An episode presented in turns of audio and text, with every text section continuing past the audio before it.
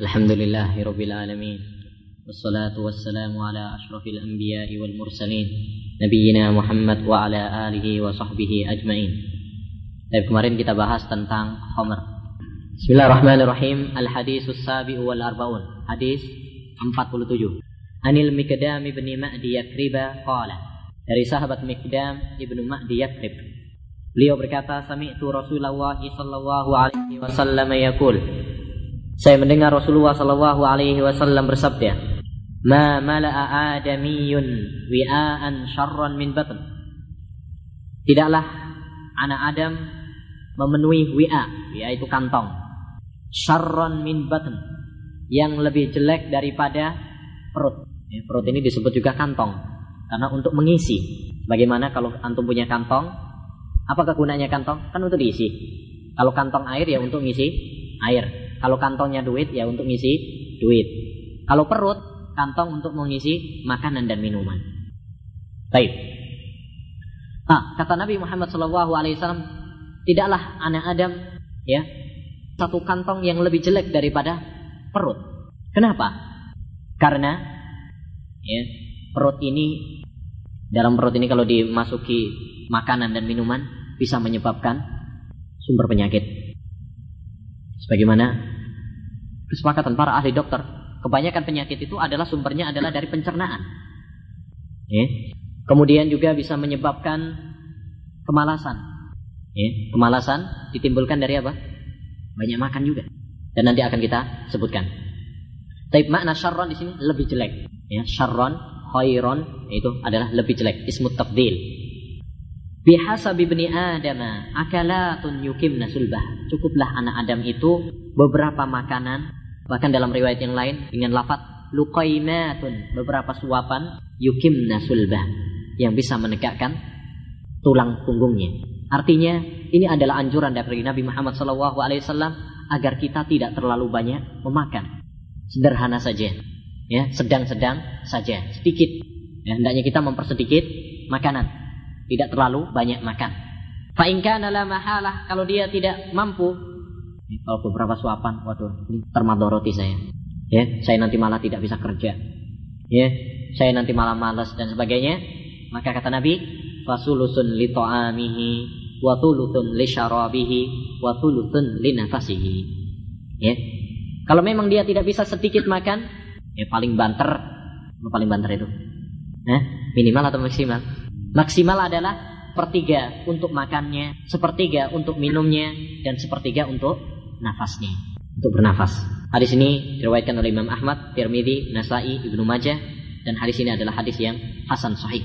Baik, hadis ini ikhwani adalah menjelaskan kepada kita tentang masalah makanan. Ya, bagaimana seorang muslim di dalam bermakan, ya, dalam memakan. Nabi Muhammad SAW alaihi wasallam sebagai nabi yang mulia dia menganjurkan kepada umatnya dalam hadis ini suatu kaidah tentang kesehatan. Jadi hadis ini adalah salah satu kaidah tentang kesehatan. Oleh karenanya diceritakan bahwa imam seorang tabib dokter yang bernama Ibnu Abi Masawai tatkala dia membaca hadis ini dia berkomentar ya, perhatikan komentar dia lausta'malan nasu hadhil kalimat la salimu minal amradi wal asqam wala ta'attalat takakinus sayatilah. Seandainya manusia mau memperhatikan hadis ini, beberapa kalimat Nabi Muhammad SAW ini, maka mereka akan selamat dari penyakit-penyakit. Ya. Dan toko-toko apotik akan sepi. Ya. Sepi. Kenapa sepi? Karena banyak orang yang nggak membutuhkan obat. Nah, jadi seperti kita dengar, hadis ini adalah apa? Kaidah tentang kesehatan. Yaitu apa? Dengan mempersedikit makanan. Karena banyak makan, ini adalah memiliki dampak negatif. Dampak negatifnya ditinjau dari dua macam. Dampak negatif banyak makan ditinjau dari dua macam. Pertama ditinjau dari segi agama. Banyak makan menyebabkan ya malas dan itu kenyataan. Orang kalau kenyang, apa yang terjadi? Bukannya malah semangat enggak. Ya, tapi malah malas. Kemudian ya, dampak berikutnya juga adalah at-tathbit anit ta'ah. Ya. Mengerem dari ketaatan. Mau sholat, aduh masih kenyang nih. mau berbuat kebajikan aduh malas Baik. Yang ketiga adalah juga sebaliknya yaitu jurus kepada kemaksiatan. Kalau orang kenyang ya maunya apa? Ya, ke sana kemari melakukan maksiat kepada Allah Subhanahu wa taala. Berbeda kalau lapar. Coba kalau lapar, lemes kan? Mau pergi, ah malas. Kan gitu. Nah, itu beda antara puasa dengan tidak berpuasa. Orang yang puasa sedikit maksiatnya. Lebih sedikit maksiatnya secara umum ya. Secara umum, orang yang ketika berpuasa lebih sedikit puasa lebih sedikit maksiatnya daripada ketika tidak berpuasa. Ya, karena syahwat mereka lemah. Tipu daya setan lemah. Berbeda dengan orang yang banyak makan. Tapi ini dari segi agama yaitu apa menyebabkan kemalasan dari ketaatan kepada Allah Subhanahu wa taala dan memberikan semangat kepada mereka untuk melakukan kemaksiatan kepada Allah Subhanahu wa taala.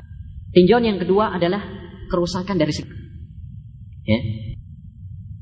Dampak negatif banyak makan dari segi badan, kesehatan yaitu menyebabkan penyakit. Karena banyak makan, numpuk ya di pencernaan, makanan itu kan jadi penyakit.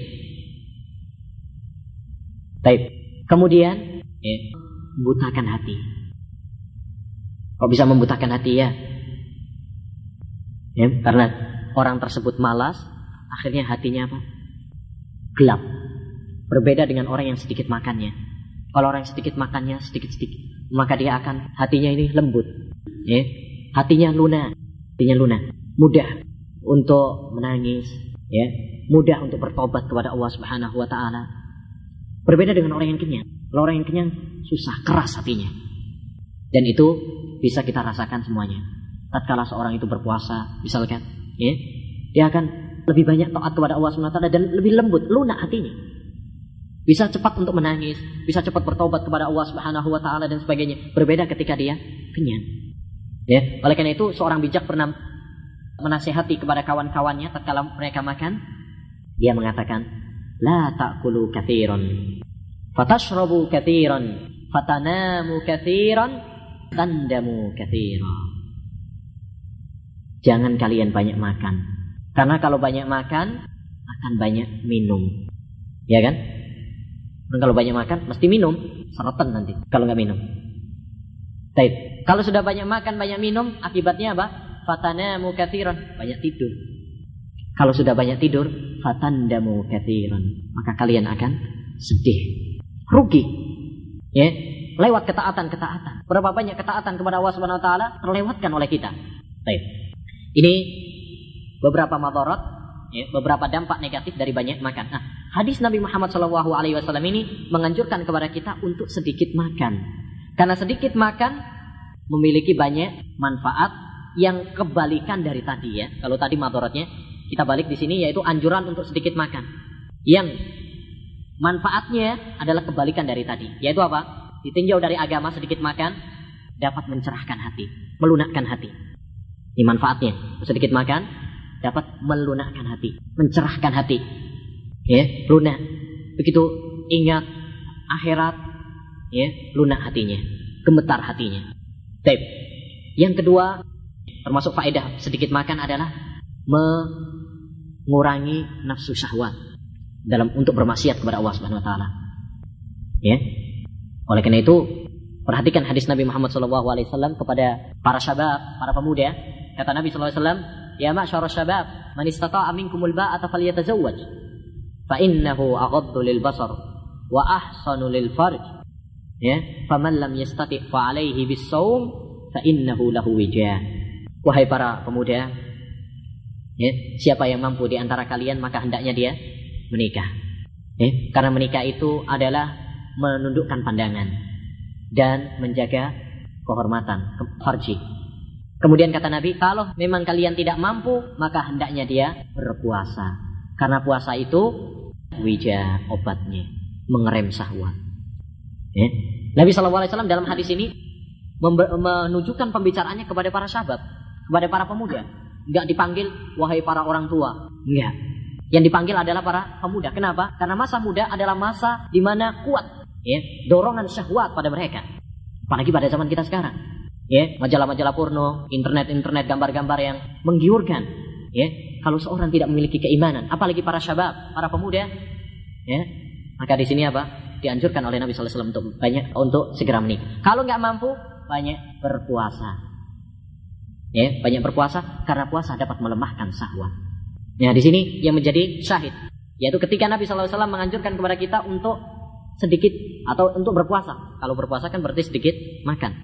Lain halnya nanti kalau balas dendam. Puasa, tapi malah nanti lain urusannya. Eh, Taib. Ini yang kedua. Yang ketiga, manfaat sedikit makan juga yaitu kuatul faham. Malah bikin cerdas. Orang yang banyak makan itu malah malah bikin maaf malah bikin goblok, malah bikin orang bodoh. Ya, orang yang banyak makan. Ya karena apa? Karena malas. Ya, tadi kan akibatnya malas. Banyak tidur. Gimana mau pintar kan gitu. Oleh itu lihat para para para ulama ya, kok bisa pintar apa sih rahasianya? Jangan tanya kemudian rahasianya, uh mereka banyak makan, mereka makanannya masya Allah, ya susunya susu dengkol, apa kemudian makanannya masya Allah, enggak. Ya benar, mereka mereka bukan karena itu. Lihat perjalanan para ulama, rata-rata mereka malah apa? Fakir. Bukan soal makanannya, rahasia pintar bukan makanan, tapi apa? Kesungguhan dan nikmat dari Allah Subhanahu wa taala itu yang terpenting. Ya, bukankah kebanyakan orang mereka makanannya masya Allah tapi juga nggak pintar? Ya, dan juga banyak sebaliknya orang yang makannya Allah kadarnya tetapi apa? Pintar. Jadi bukan masalah makanan dan itu. Taib. Yang kedua yaitu tadi Dha'ful hawa wal ghadab. Ya, lemahnya hawa nafsu dan marah, amarah. Lihat orang berpuasa, ya, jarang apa? Marah dia. Karena amarahnya terkurangi oleh puasa. Berbeda dengan orang yang tidak puasa. Dia merasa kuat. Taib. Ini manfaat sedikit makan. Dari segi agama. Dari segi badan, kebalikannya tadi. Ya, kebalikannya tadi yaitu maksudnya apa? Membikin sehat. Sedikit makan itu malah bikin sehat. Oh bisa? Iya kan? Mesinnya nggak terlalu capek. Pencernaan ini ibarat mesin gitu ya. Kalau dikasih makanan terus, kan berarti kerja terus itu. Iya enggak?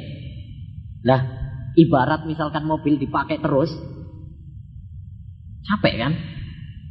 Tapi kalau ringan, nah itu itu gambaran gampangnya. Baik. Juga manfaatnya dari segi badan yaitu apa? Membuat kecerdasan. Seperti tadi kebalikannya pokoknya ya. Baik, sudah. Kemudian kata Nabi SAW, Malaib adamiyun wi'an syarran min batan bihasbi ibni adam akalatun nasulbah. Ini adalah anjuran untuk sedikit makan. Itu beberapa suap saja. Ya. Dan apabila kita lihat perjalanan atau kisahnya para nabi dan para sahabat, Masya Allah. Ya, Jauh sekali kehidupan kita dengan mereka, ikhwan. Kita alhamdulillah kita bersyukur kepada Allah Subhanahu wa taala. Ya, tiap hari bisa makan. Minimal satu hari tiga kali. Satu hal yang perlu disyukuri. Lihat Nabi Shallallahu alaihi wasallam belum tentu satu hari bisa makan. Bahkan kata Aisyah radhiyallahu anha, sebulan dapur kami tidak pernah keluar asap. Maksudnya apa? Tidak pernah masak. Ya, cuma kurma saja. Bahkan kalau kita lihat perjalanan bahkan Nabi Shallallahu Alaihi Wasallam dalam sebuah kisah dalam perang kondak bahkan ya dalam perang kondak kerja berat itu nganu parit itu Nabi Shallallahu Alaihi Wasallam dikisahkan sampai apa menaruh batu para sahabat banyak menaruh batu satu di perutnya karena lapar Nabi Shallallahu Alaihi Wasallam bahkan berapa ya dalam sirah juga diceritakan bahwa Abu Ubaidah bin Jarrah sahabat Abu Baidah. Tatkala diutus Nabi Shallallahu Alaihi Wasallam dalam satu peperangan, mereka tidak memiliki makanan kecuali hanya kurma. Setiap prajurit dijatah satu hari satu kurma. Satu hari satu kurma. Bayangkan, yaitu apa? Perang dalam keadaan perang. Satu hari dijatah cuma satu kurma. Apa yang mereka perbuat? Kata mereka, kami nggak langsung memakannya. Kayak permen, dimut aja dulu. Nanti kalau sudah mau selesai waktunya, baru kemudian di, dimakan. Ya, dimasukkan lagi, kantongin lagi. Karena kalau langsung dimakan, nanti jatah dari mana kan gitu. Memang dijatah satu. Hal itu menunjukkan kepada kita ya kawan bahwasanya kita sekarang alhamdulillah banyak bersyukur kepada Allah Subhanahu wa taala. Ya, banyak bersyukur kepada Allah SWT. Bukan berarti kemudian kita, woi jangan makan sampai kurus nanti uzuhud. Enggak. Ya, oleh karena itu Nabi SAW memberikan di sini maksudnya anjuran untuk sedikit makan. Itu aja ya. Ya, jangan kemudian aduh nanti puasa terus saja dah. Marah menyelisihi. Nah, boleh. Kata Nabi SAW, cukuplah sedikit aja makan, nggak terlalu banyak. Dan itu juga untuk pengiritan juga. Sekarang lagi krisis moneter ya, jangan banyak-banyak makan. Ya. Susah cari duit di Indonesia. Baik. Kemudian kata Nabi, fa la mahala, kalau memang nggak bisa untuk menegakkan cukup untuk sedikit makan, cukup untuk menegakkan tulang punggung, ya kata Nabi, fatulutun litom ini paling banter lah. Yaitu sepertiga untuk makannya, sepertiga untuk minumnya, sepertiga untuk apa? Nafasnya. Jangan terlalu kenyang. Itu maksudnya Nabi Sallallahu Alaihi Wasallam. Ya, sepertiga untuk makannya, Gimana ngukurnya sepertiga? Ya, balil insanu ala nafsihi basira. Semua orang masing-masing tentang ukuran perutnya. Ya itu kembali masing-masing nggak ada ukurannya di sini. Sepertiga up, nah, otomatis gitu selesai. Nggak, nggak ada. Ya itu masing-masing dikembalikan dan itu relatif. Ya, perutnya abang becak beda dengan apa namanya perutnya pelajar. Ya kan? Jangan disamakan. Abang becak mungkin tiga piring uh, masih masih kurang tenaganya. Tapi kalau sekedar apa namanya kerjanya ringan, ada perbedaan. Oleh itu diceritakan ya. Rasanya Syekhul Albani rahimahullah taala ya, tatkala makan dengan murid-muridnya. Makannya banyak beliau. Akhirnya apa? Ada seorang muridnya menegur, "Ya Syekh, sulus as-sulus." Ya. Sulusun li ta'ami wa sulusun li syarabihi. Wasulusun li nafasihi. Apa jawab Syekhul Albani? Ya, kata beliau, kullun a'lamu bithuluthihi. Masing-masing orang tahu tentang sepertiganya masing-masing. Ya. Nah kita beda. Ya, mungkin sulus bagi saya belum tentu sulus untuk Basit. Ya, Basit. Antum berapa piring? Hah? Satu cukup? Hah? Alhamdulillah. Baik. Baik. Kemudian juga di sini bukan berarti kemudian ya, yang perlu diperhatikan juga bukan berarti kemudian melarang untuk kenyang sekali-kali. Rasulullah SAW pernah kenyang sekali-kali ya. Tapi tidak terus menerus. Yang dilarang di sini adalah terus menerus kenyang. Ini ini yang tidak boleh. Adapun kalau sekali-kali ya, kenyang, maka ini tidak mengapa. Rasulullah SAW pernah menyuruh Abu Hurairah untuk apa? Minum. Oh Nabi sudah minum lagi. Sudah wahai Nabi minum sampai dia kenyang diambil faedah oleh para ulama bahwasanya di sini apa? Boleh kenyang tetapi apa? Kadang-kadang bukan terus menerus ya baik.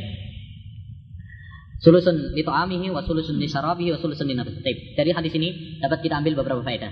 Yang pertama adalah ya uh, hadis ini merupakan adab syar'i yang hendaknya diperhatikan oleh orang yang makan tentang ukuran makanannya. Ya Nah, di sini adalah merupakan adab syar'i yang hendaknya diperhatikan oleh orang yang makan tentang ukuran kadar makanannya. Berapa? Jangan terlalu banyak. Kemudian yang kedua, dapat kita ambil faedah dari hadis ini adalah ya, peringatan dari banyak makan. Karena banyak makan dapat menyebabkan penyakit dan kemalasan. Yang ketiga, dari hadis ini dapat kita ambil juga yaitu anjuran untuk sedikit makan. Anjuran untuk sedikit dalam makan. Maka Nabi memberikan apa? Cukup untuk yang me menegakkan pulang tunggu saja. Baik, yang keempat tiga untuk makanannya, tengah untuk min. Ya. Yang kelima dapat kita ambil faedah juga bahwasanya Nabi Muhammad SAW ya menjelaskan tentang ilmu kesehatan badan sebagaimana juga menjelaskan tentang kesehatan hati. Ya. Jadi Nabi Muhammad SAW bukan hanya pandai dalam masalah ilmu hati saja, ilmu ibadah bagaimana. Dia juga datang membawa wahyu tentang kesehatan badan. Begitu Nabi SAW banyak ya. Bahkan dikumpulkan oleh para ulama. At-tibbu An-Nabawi, kedokteran Nabi. Kita bisa terheran-heran bagaimana Nabi Muhammad Shallallahu Alaihi Wasallam yang beberapa abad dulu, ya, tapi sekarang terbukti secara ilmiah apa yang disampaikan oleh Nabi Shallallahu Alaihi Wasallam. Seperti misalkan satu contoh, Nabi Shallallahu Alaihi Wasallam mengatakan menganjurkan kepada kita mengabarkan kepada kita tentang lalat apabila masuk ke bejana kata Nabi SAW apa celupkan kemudian buang karena pada sayap satunya terdapat penyakit, sayap satunya terdapat obatnya. Kita terheran-heran kan? Bagaimana Nabi SAW emangnya sudah merisa pakai terus kok dulu kan nggak ada mas ya? Kok Nabi tahu? Karena yang tiku anil hawa in huwa illa wahyu Dan alhamdulillah sekarang terbukti. Ya, secara penelitian kedokteran sekarang terbukti bahwasanya memang pada pada lalat ada penyakit dan ada dari sini dapat kita ketahui bahwa ilmu kedokteran Nabi adalah ilmu kedokteran yang ilmiah tidak boleh diragukan karena datang dari Allah Subhanahu wa taala. Bahkan Al-Imam Ibnu Qayyim rahimahullah dalam kitabnya Zadul Ma'ad atau At-Tibbun Nabawi, beliau mengatakan kedokteran Nabi lebih jauh lebih bagus, lebih hebat daripada kedokteran para dokter-dokter kafir seperti Ibnu Sina ya atau siapa lagi tokoh-tokoh tabib-tabib yang terkenal. Ya. Baik.